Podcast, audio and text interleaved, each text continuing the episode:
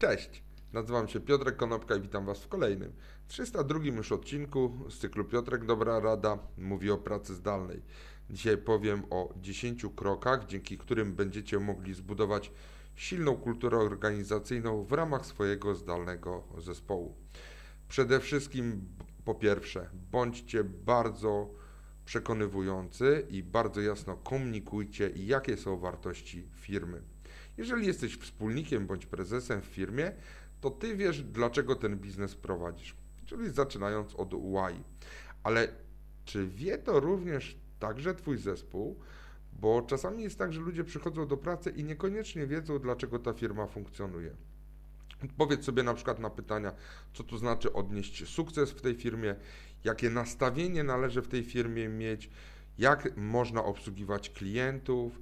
Zastanów się najpierw ty, spisz te punkty u siebie, a później przekaż te punkty pracownikom. Po drugie, jeżeli decydujesz się na to, że firma będzie działała zdalnie, to po prostu niech cała firma działa zdalnie. Jeżeli pozwalasz tylko niektórym ludziom w niektóre dni miesiąca e, pracować zdalnie, a przez resztę miesiąca pracujesz stacjonarnie, to jednak lepiej jest, żeby cała firma pracowała zdalnie, bo nie musisz utrzymywać, nie musisz supportować dwóch równoległych procesów, na przykład związanych z podpisywaniem listy obecności. Także wa warto budować kulturę organizacyjną, jeśli jest zdalna, e, to ta e, kultura organizacyjna powinna być w całej firmie i e, cała firma również powinna pracować zdalnie. Po trzecie, miej bardzo jasny i bardzo przejrzysty proces onboardingu również zrealizowany zdalnie. Ponieważ jeżeli przychodzisz do pracy stacjonarnej, no to wiadomo, że przychodzisz do biura i dalej już ta praca się dzieje, bo ktoś się tobą opiekuje. Natomiast jeżeli proces jest całkowicie zdalny, to tego biura nie ma. I nowy pracownik siada przed laptopem i niekoniecznie wie, co powinien robić, czym się powinien zająć. Wprowadź tego pracownika do pracy, przedstaw go swoim innym współpracownikom, przedstaw go jego kolegom, niech podzieli się na Slacku jakimiś trzema rzeczami e, na swój temat, tak żeby można było zacząć tą pracę w miarę płynnie. Po czwarte, ufaj swojemu zespołowi, bo jeżeli nie będziesz ufał swoim pracownikom, to zajmiesz się mikrozarządzaniem, a takie mikrozarządzanie jest zabójstwem dla firmy pracującej zdalnie. Po piąte, bądź przejrzysty, czyli ta komunikacja która płynie od ciebie do pracowników i od pracowników do ciebie powinna być jasna. Każdy powinien umieć znaleźć odpowiedź na swoje pytanie i y, każdy powinien nie móc się, e, nie bać się e, zadać pytania na przykład tobie jako swojemu przełożonemu.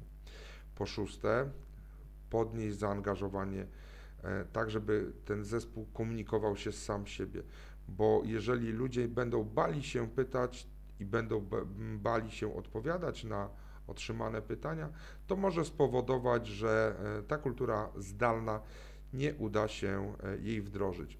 Może być na przykład tak, że na przykład zróbcie sobie test 16 e, Personalities, żeby zobaczyć, kto ma jaką osobowość, albo na przykład test kolorów Hartmana, to są testy, które są darmowe, także ludzie powinni zobaczyć, jak powinni ze sobą się komunikować i zachęca ich do tej otwartej komunikacji.